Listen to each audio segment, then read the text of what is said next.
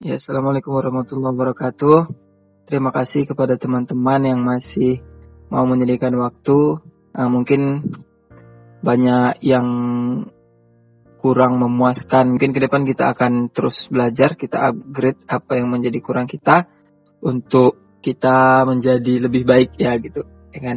Hari ini uh, aku nggak sendiri ya, ada sahabat lama aku yaitu Raden Mas Yanggi Fitri Sutrisna. Ya, kita sapa dulu ya Bang Raden Mas Yanggi Fitri Sutrisna dan hingga orangnya nih. Ya ya, nah, masuk masuk. Ini panggilannya apa nih Raden Mas Yanggi Fitrius atau Sutrisna nih? Bebas sih, cuma asal jangan Fitri aja. Oke. Okay. Kalau gitu kita langsung kenalin aja dulu teman bicara kita ini Bang Yanggi ya, Bang Yanggi. Dikenalin ya, ya. sedikit Bang. Ya, ya. baik. Uh, Assalamualaikum warahmatullahi wabarakatuh. Waalaikumsalam. Ya, nama saya Raden Mas Yanggi Fitrius Sutrisna. Terserah deh mau manggil apa gitu kan. Yang penting jangan Fitri gitu kan lain nanti yang lihat bukan iya. saya yang lihat nah, uh, saya apa ya hmm, kampus lah ya kampus pernah ngampus di PTKI silahkan searching sendiri kereta api ya, pasti ya, bukan kereta api ya bukan, bukan kereta api ya bukan, bukan. Ya. Nah, framing kereta api itu tolong dihilangkan ya. Karena kok kita bilang PTKI itu kereta api gitu ya kan? Bukan, bukan. Hmm.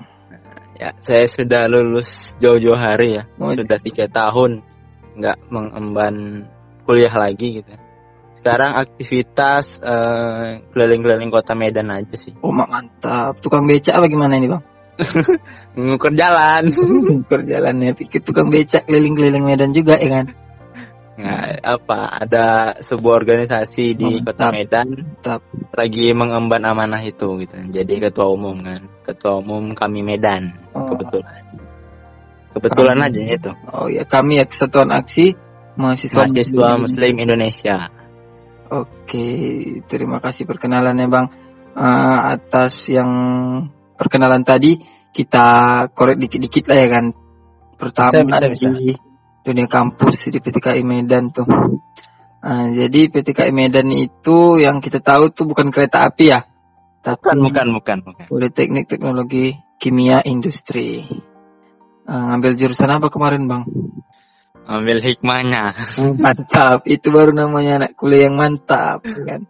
Eh, ambil jurusan teknik mesin kemarin. Oke, kita cari tahu juga pernah jabat sebagai menteri ya menteri oh, iya, iya, di PTK itu. Nah, gimana tuh ceritanya kok bisa jadi menteri, Bang? Uh, jadi kemarin sih pernah ngebem kan. Jadi sebelum ngebem itu kita sebenarnya ada di posisi lawan gitu kan. Mm. Lawan dari yang menang. Iya. Jadi kita punya tim sendiri, uh, kita jadi lawan tapi kita kebetulan kalah gitu kan. Nah setelah kalah kita diajak gabung nih gitu kan, nah, hmm. gabung. Kebetulan yang calon uh, presiden dari kita itu uh, jadi aturan dia jadi menterinya, gitu. Hmm. tapi uh, di saat waktu mau pelantikan gitu nah, atau apa gitu nah, atau ada kendala gitu ya. Hmm. Karena memang saat itu butuh hadir, hadir orangnya. Dan dia nggak bisa hadir digantikan dengan saya SK-nya gitu kan hmm, gitu ya, ya. macam macam inilah macam Pak Prabowo ya kan. Oh iya iya pas pas sekali ya. Hmm. ya kan. Rival oh, iya, habis itu dia jadi menteri ya kan. Oh iya betul itulah kira-kira ya pas pas pas menteri apa tuh tidak bisa jadi saya tidak bisa jadi saya Prabowo Pak Prabowo hmm. atau butuh juru bicara bang kemarin oh enggak ya udah siap ya jadi menteri ya udah udah oh, udah ya Menteri apa itu Bang? Pertahanan juga atau gimana? menteri Teknologi dan Informasi. Oh mantap. Bisa jadi menteri tadi eh, sekarang di kami ya. Berarti ya, benar, oh, benar. Kami Medan gitu ya Bang. Ya. Kami kota Medan. Berarti satu kota Medan lah itu Abang ketuanya gitu ya. Benar, benar, benar. Hmm. Nah, di kami sendiri ini gimana ya Bang? Sekupannya ini gimana gitu organisasi yang gimana itu kan mahasiswa muslim Indonesia tuh gimana tuh cerita sedikit om bang Iya, iya. Kalau bicara cerita sedikit berarti cerita sejarah lah ya. Iya iya Jadi memang eh, intinya sih kita organisasi ekstra kampus ya, bukan internal kampus yang mirip dengan UKM gitu ya. Jadi ya kita lebih ke organisasi kepemudaan lah. Hmm, organisasi kepemudaan. Jadi sampai 30 tahun di sana gitu kan. Jadi batasannya 30 tahun sampai bahkan ketika sudah tamat kuliah masih tetap bisa berkami gitu kan. hmm. Ada di ADRT itu berapa tahun setelah tamat kuliah gitu kan. Masih bisa.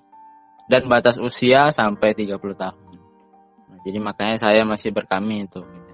Tapi yang Hmm. pasti intinya kami itu organisasi ekstra kampus yang kalau dulunya itu memang lahirnya karena sebuah keresahan gitu kan Hmm, dengan rezim gitu dan rezim yang ada uh, saat itu adalah Soeharto hmm. Tahun 98 gitu kan. Seiring berjalannya waktu gitu kan. Nah, kita ya mengalami yang namanya perubahan-perubahan pastinya. Dinamis gitu kan, apalagi tantangan zaman gitu kan. Dan berarti kita harus menyesuaikan. Nah, maka hari ini ya kita coba masuk di semua lini gitu kan. Walaupun pada hakikatnya tetap eh, kita adalah sebagai kontrolnya pemerintah gitu. Kita sebagai mit- mitra kritisnya pemerintah mungkin dalam hal politik gitu kan, kesehatan gitu kan, budaya dan lain sebagainya. Intinya eh, kita sebagai eh, orang-orang yang terus ada gitu kan untuk perubahan-perubahan. Kira-kira eh, begitulah. Nah, Oh, nah kan mm, di banyak organisasi nih di Indonesia nih, Eh, baik Iya, itu yang basicnya Muslim, nasional atau gerakan-gerakan kemanusiaan dan lain-lain. Nah, kalau lah kalau abang sendiri gitu, kenapa memilih kami gitu? Dari banyak nih kan pilihan-pilihan yang banyak kita tahu organisasi-organisasi di Indonesia nih, kenapa pada akhirnya abang memilih berkami? eh, kenapa ya? Saya juga bingung sebenarnya. Tapi yang pasti eh, sampai sejauh ini eh, sisi keislaman ya, sisi Hmm. keislaman itu masih dipegang teguh sama yang namanya kami. mereka memakai eh, ajas ajas asasnya satu ya Islam gitu kan. Mm-mm. atas Islam lah mereka bergerak gitu kan. Nah dan eh, ada juga sistem eh, sistem terpadu. Bagaimana penjagaan gitu kan. Penjagaan eh, terkait keislaman gitu kan. Jadi eh, kita bukan hanya berbicara soal keilmuan tapi juga ruh di sana juga harus dijaga gitu. Kan Nah, jadi ruh dijaga yaitu ada seperti kelompok-kelompok kecil nah di situ dijaganya gitu kan. Nah ibarat antara kakak kakak kelas dengan adik kelas gitu kan jaganya gitu kan. Oh, Nah, mungkin bisa eh, nanti apa namanya setoran hafalan gitu kan atau cek-cek ibadah gitu kan. Kurang lebih seperti itu kayaknya bukan hanya aspek keilmuan saja gitu kan atau aspek eh, politik segala macam tapi juga di sana ada penjagaan ruh gitu Nah, jadi eh, tetap konsisten dengan yang namanya ajas keislaman itu tetap dijaga kurang lebih seperti itu Oh, mantap juga berarti di kami ini ya bang ya. Dia nggak hanya di Iya. dunia aja gitu ya, tapi kita akhirat juga kita kejar gitu kurang lebih ya kan ya bang. Iya mantap lah masa nggak pula Oh, waten kali. Nah, jadi kalau kita balik lagi, tadi kan abang ini ketua kami sekota Medan ya. Berarti Benar, ada benar. be- beberapa kampus gitu ya. Berarti apa tuh bang namanya kampus? Eh, apakah eh, komisariat, unit, cabang apa gimana namanya bang? Yang abang bawa, naungin ini gitu. namanya di bawah kita itu ada komisariat Oh komisariat. Berarti sekota Medan itu ada beberapa komisariat ya bang? ada ada ada ada Oh, Berarti di banyak kampus lah ya di kota Medan ya. ada beberapa kampus kita kalau tidak salah terakhir itu ada 12 Hmm, 12 komisariat termasuk PTKI bang yang kampus abang. Iya, benar. saya di sana kebetulan sama kawan-kawan ya Oke. eh, kita mendirikan mendirikan komisariat di sana Hmm. kita lah eh, coba dulu sebenarnya sempat ada cuma lost generasi Mm-mm. hilang Nah, di tahun saya dan kawan-kawan nah, saya coba rangkul nah kita coba buatlah komisariat kita dirikan kami hmm, gitu ya nah kalau ngelihat kondisi sekarang yang sedang mengalami pandemi begini gitu atas ya. terjadinya corona virus ini kan gitu jadi ya bagaimana pandangan abang sebagai ya pimpinan kami sekota Medan gitu tentang uh, wabah ini. Gimana itu bang? Hmm, gimana ya? Uh, ya pastinya uh, kita coba ikut uh, apa arahan pemerintah gitu kan. Mungkin hmm. sudah ada edaran-edarannya gitu kan. Dan coba ikuti protokoler-protokoler yang ada. Misal kalau misalnya keagamaan ada MUI gitu kan. Kita ada MUI. Coba ikuti protokolernya.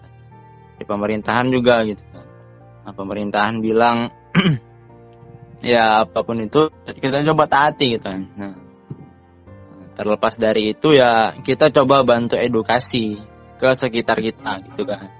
Jadi saya melihat di sini gitu kan uh, terkait virus ini kalau mungkin di daerah-daerah ya, kalau mungkin di Medan sepertinya hampir rata-rata sudah teredukasi sih gitu. Hmm. Walaupun memang ada beberapa misal ya yang kemarin-kemarin sih misalnya ada jenazah gitu kan uh, itu jenazah. Walaupun uh, belum positif gitu kan atau yang sudah belum ya belum positif. Belum. cuma uh, sepertinya dimusuhi gitu kan. Iya, nah, atau sudah ketakutan gitu kan nah uh -huh. ini juga jadi uh, PR kita gitu kan sebagai kaum intelektual kita coba cari gitu kan detailnya ini gimana virus.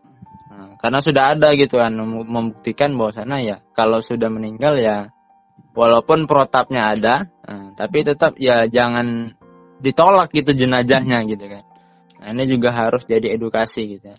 dan uh, sebagai kaum intelektual ya kita harus mengedukasi bagaimana uh, apa namanya uh, hidup sehat gimana gitu kan cuci tangan pakai masker nah segala macam kalau beraktivitas gimana gitu kan ada juga protokolernya ya. coba diikuti gitu kan yang penting uh, kita jangan anggap sepele uh, terkait virus ini, tapi juga jangan panik gitu kan. Hmm. Tetap waspada. Oke oke. Kalau Kira begitu Kalau kami tadi kan kita bicara tentang bagaimana kita bisa uh, bermanfaat gitu ya bang ya. Nah, iya benar bang. Uh, terus dari kami sendiri melihat virus dan keadaan seperti sekarang ini, nah apa yang kami lakukan? Apakah sudah ada eh, langkah-langkah uh, kecil atau kegiatan-kegiatan untuk bisa membantu entah itu dari contoh konkret lah dari mungkin mengedukasi atau membantu eh, masyarakat-masyarakat uh, yang membutuhkan gitu. Apa sih yang udah dilakuin kami sejauh ini gitu? Sejauh ini uh, kita sudah apa ya? Bagi-bagi sembako ya kepada uh, orang-orang yang terdampak gitu kan. Terdampak COVID-19 uh, sembako gitu ya. Mungkin uh, apa namanya usahanya nggak jalan gitu kan hmm. dan ada beberapa yang di PHK segala macam. Karena saya melihat uh, ekonomi ini hampir rata-rata itu terdampak. Hmm. Jadi uh, tidak ada klaster lagi gitu kan. Tidak ada uh, yang uh, apa namanya bahkan pengusaha sendiri juga kemungkinan bertahan sampai kalau saya terakhir lihat itu berita sampai bulan Juni saja gitu. Selain itu ya semua terdampak gitu. Ya ter, termasuk contoh orang tua saya. Orang tua saya jualan uh, ya terdampak juga, terasa gitu kan. Oh, Sepi segala macam gitu kan. Nah, jadi hari ini tidak ada klaster uh, masyarakat yang memang tidak terdampak hampir rata-rata itu terdampak. Jadi ekonomi itu hampir lumpuh gitu. Makanya kita coba uh, untuk bagi-bagi sembako gitu kan. Hmm. Alhamdulillah ada donatur gitu kan. Masya Allah. Jadi uh, terima kasih kepada orang baik gitu kan. Kita coba hmm. bagikan. Apalagi terkhusus uh, untuk yang nggak bisa pulang ke kampungnya, mahasiswa gitu kan dan kader ya kan. Hmm. Nah, yang nggak bisa pulang kita coba advokasi gitu kan Nah, kalaupun memang sembako kita sudah habis, saya coba nanti cari gitu. Oh. Mana yang bisa uh, kita seser ya kan macam ikan itu ya kan Iya mantap kali. Hmm. jadi kita coba advokasi yang bisa bantu uh, kita kasih datanya nih ada data nih coba bantu dulu gitu karena memang beberapa saya ada kenalan di lembaga sosial gitu kan Hmm. jadi itu yang pertama gitu kan baru kita kemarin juga dapat bantuan hand sanitizer Oh iya. Nah, jadi kita melihat eh, hari ini memang eh, di Medan sendiri itu belum PSBB gitu kan. Dan info terakhir sih yang saya dapat nggak disetujuin. Terakhir eh, muncul yang namanya klaster isolasi gitu kan. Kebijakan yang baru gitu kan. Nah, walaupun saya belum total mengkajinya, tapi kira-kira begitulah. Nah, jadi ya saya melihat eh, terkait hand sanitizer itu saya kita lebih fokus ke masjid-masjid. Oh gitu. Karena karena kenapa gitu kan? Eh, hari ini ya eh, kalau misalnya beraktivitas ya mungkin eh, kita hampir rata-rata sudah paham lah gitu. Bagaimana mencuci tangan segala macam. Saya rasa walaupun perlu ya tidak terlalu urgent. Tapi hari ini eh, kita coba fokus ke masjid. Kenapa kita kasih ke masjid? Ya biar bagaimana ya ibadah itu tetap nyaman gitu kan. Oh, iya. baik baik eh, masuk gitu kan ataupun nanti pulang gitu kan. Ya tetap terjaga. Nanti misalnya masuk walaupun di tempat wudhu sudah ada apa namanya sabun gitu Iya, sabun cuci Nanti- tangan. Nah, nanti keluar dia pakai hand sanitizer aja gitu biar nggak repot ke Hmm. kamar mandi lagi gitu kan. Nah, jadi eh, kita kemarin kenapa fokusnya ke masjid bagi-bagikannya karena ya saya melihat itu gitu Nah, karena memang ada beberapa yang di Medan tuh zona merah gitu kan. Walaupun nggak ditutup, ya kita coba ikhtiar lah gitu kan. Walaupun memang anjurannya ada bahwasannya eh, MUI diperbolehkan gitu kan untuk sholat di rumah gitu kan. Jadi itu Kurang bentuk, lebih begitu. bentuk ikhtiar ya kan bang untuk kita bisa sama-sama melawan covid ini. Gitu. kan.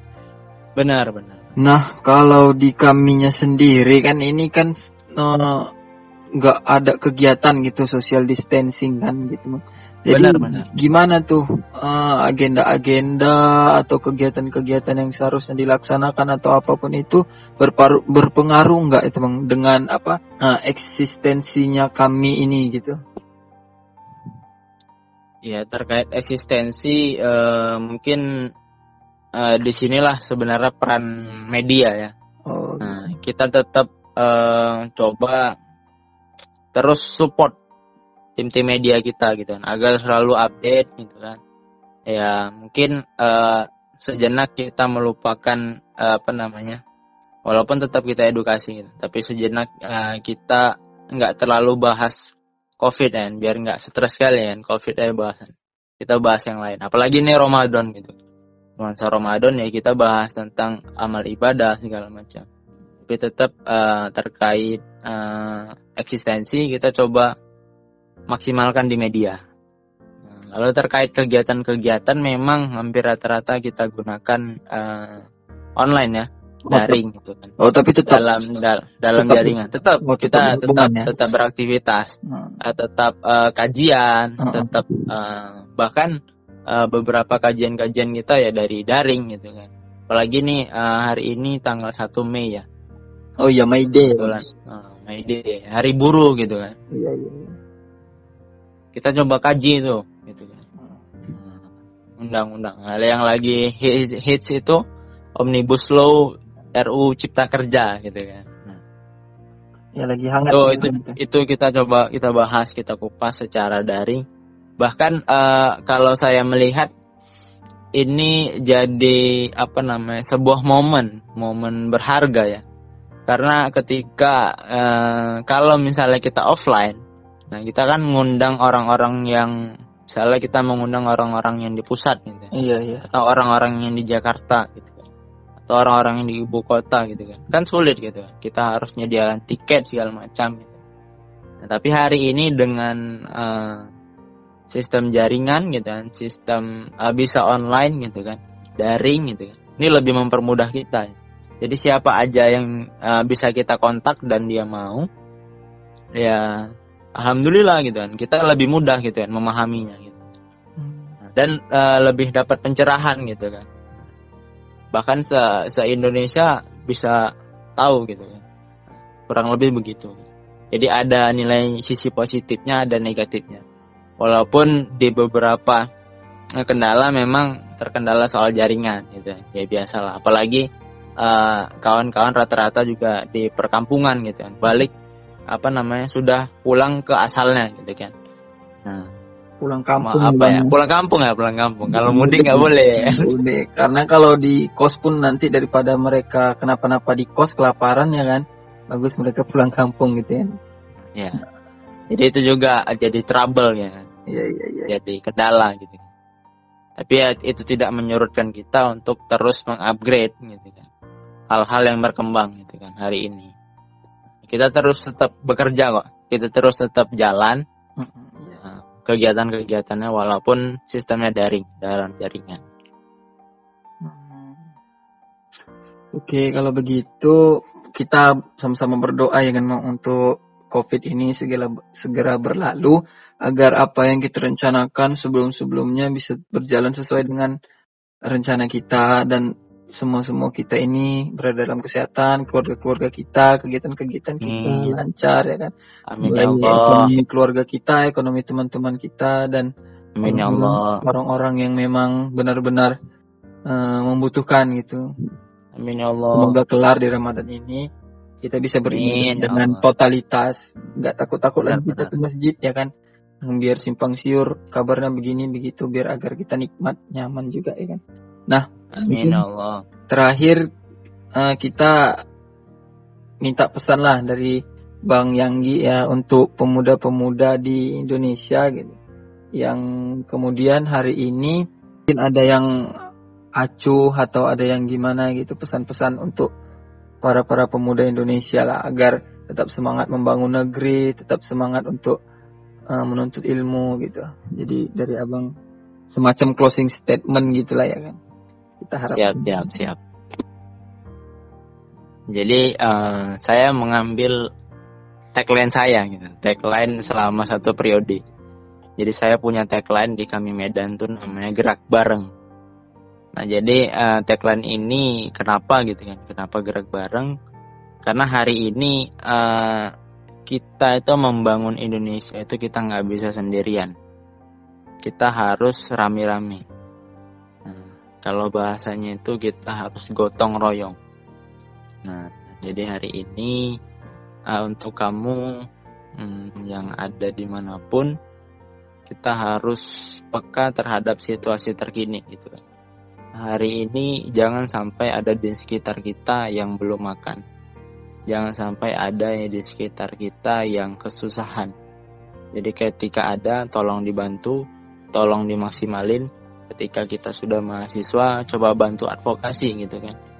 Diadvokasi sama ya kalau misalnya di kota ada Kepling kalau di kabupaten ada kadus gitu ya silakan diadvokasi untuk diberi bantuan gitu dan segala macam. Ini jangan sampai. Jadi hari ini uh, uh, kita juga jangan apa namanya jangan berpangku tangan gitu kan sama apa namanya sama pemerintahan gitu kan karena hari ini ya uh, saya melihat uh, pemerintah pemerintahan hari ini, pemerintah Saya melihat pemerintah hari ini uh, terkait situasi terkini gitu kan. Kita gagap gitu kan. Pemerintah gagap karena memang ini adalah virus baru, ini adalah uh, mainan baru gitu kan. Ini adalah uh, hal yang baru lah gitu. Kan. Jadi kita gagap dan nggak siap gitu kan segala macam. Jadi hari ini kita sebagai kaum intelektualitas kita sebagai kaum intelektual diuji intelektual kita gitu. Ketika kita punya ide-ide brilian, coba uh, kita realisasikan, kita beri masukan kepada pemerintah dan kita coba galang kon, apa galang persatuan untuk sama-sama gitu ya. Jadi gerak bareng sama elemen-elemen terkait gitu kan. Nah, ketika memang uh, ada hal-hal yang harus kita lakukan gitu kan. Walaupun memang uh, perintahnya stay at home, tapi ketika memang kita ada gagasan, coba salurkan gitu kan. Nah, barangkali gagasan itu coba uh, sedikit uh, merubah gitu kan, merubah hal-hal yang selama ini uh, malah menjadi bom waktu atau sewaktu-waktu nanti meledak gitu ya. jadi masalah yang lebih besar lagi nah banyak sebenarnya yang kita temui-temui gitu ya. Uh, ya banyak sih gitu ya. misalnya terkait uh, anjuran di dalam rumah tapi uh, tapi di satu sisi gitu kan uh, psikologi kita itu tertekan gitu ya kita nggak bisa juga tiap hari di rumah gitu kan entah ada regulasi apa gitu kan nah biar uh, kita bisa beraktivitas misalnya ada apa namanya seruan tanam menanam gitu kan di sekitar rumah gitu kan. Macam-macam lah gitu. dan hal-hal yang lainnya gitu. Intinya adalah ya kita saling bahu membahu gitu kan dalam uh, menyelesaikan ini. Kita nggak bisa sendirian. Nah pemerintah juga nggak bisa sendirian. Coba dikontrol coba dikritisi gitu kan coba di apa namanya beri masukan gitu kan. Karena hari ini uh, ya kita melihat masih rata-rata masih lambat gitu kan dalam penyelesaian. Walaupun katanya sudah maksimal gitu kan. Tapi ya seberapa maksimal gitu kan. Tapi ya sudah gitu kan. Kita coba bantu dalam sisi lain.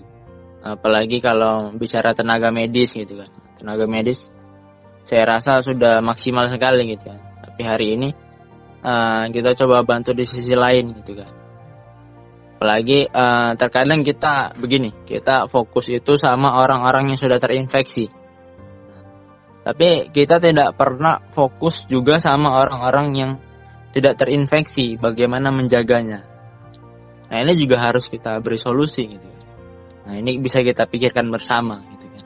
Kayak saya punya tagline gerak bareng, kita gerak bareng-bareng, coba selesaikan masalah negara ini. Kita selesaikan masalah ini bersama. Jadi jangan sendirian. Nah kalau kamu uh, punya ide silahkan salurkan. Kita coba diskusi gimana baiknya gitu. Karena hari ini ini benar-benar masalah yang sangat kompleks kompleksitas gitu banyak sekali kalau kita bahas gitu dari yang PHK gitu kan nah apa ekonomi lumpuh gitu kan hampir lumpuh gitu kan uh, angka terus naik gitu kan. Angka positif terus naik gitu kan. APD langka gitu kan. Banyak sekali. Maka harus kita selesaikan bersama. Kita coba uh, ya seharusnya ya pemerintah yang gandeng kita gitu tapi ya ya kurang lebih kita coba bergerak juga gitu kan. Dibantu gitu kan. Jadi kita yang bantu pemerintah. Tapi ya kurang lebih begitu gerak bareng. Gerak bareng-bareng sama semua elemen yang ada. Oke siap-siap ya, kurang lebih begitu. Kita bisa gerak bareng untuk sama-sama menyelesaikan problematika yang ada di negeri kita ini gitu ya kan? Benar benar. Nah nanti kalau kita mau kira-kira ada diskusi atau apa kita bisa hubungi uh, media sosialnya kami Medan mungkin bang? Bisa bisa bisa, share, bisa. Share di via apa gitu? Di Instagram kita uh, saat ini yang paling aktif itu di Instagram okay, Instagram nama ID-nya Instagramnya bang at kami Medan oh at kami Medan ya mungkin yeah. kawan-kawan ada yang mau yeah. bertanya diskusi atau uh, ingin tahu lebih dalam tentang kami atau tentang Bang Yanggi atau tentang apa pun itu ya kan bisa langsung aja ke uh, kami Medan di Instagram. Instagram. Oke mungkin cukup untuk pertemuan kita kali ini Bang uh, sangat bermanfaat dan menggugah semangat sekali dan juga membuka apa namanya pola pikir kita ya kan tentang kita bagaimana menghadapi kondisi seperti ini. Nah mungkin uh, ke depan kita bisa bertemu dan bisa bersua kembali baik itu Siap. dalam online atau dalam tatap muka. Semoga Bang Yanggi yang sehat selalu dan semoga Amin Allah. bisa bertemu di lain waktu. Mungkin Siap. Kepada teman-teman saya ucapkan terima kasih juga yang telah menyediakan waktunya untuk mau mendengar podcast ini sampai akhir. Semoga kamu juga sehat selalu, keluarga juga diberikan kesehatan. Mungkin itu aja perjumpaan kita kali ini Bang. Terima kasih untuk waktunya. Kita tutup dengan Assalamualaikum warahmatullahi wabarakatuh. Waalaikumsalam warahmatullahi wabarakatuh.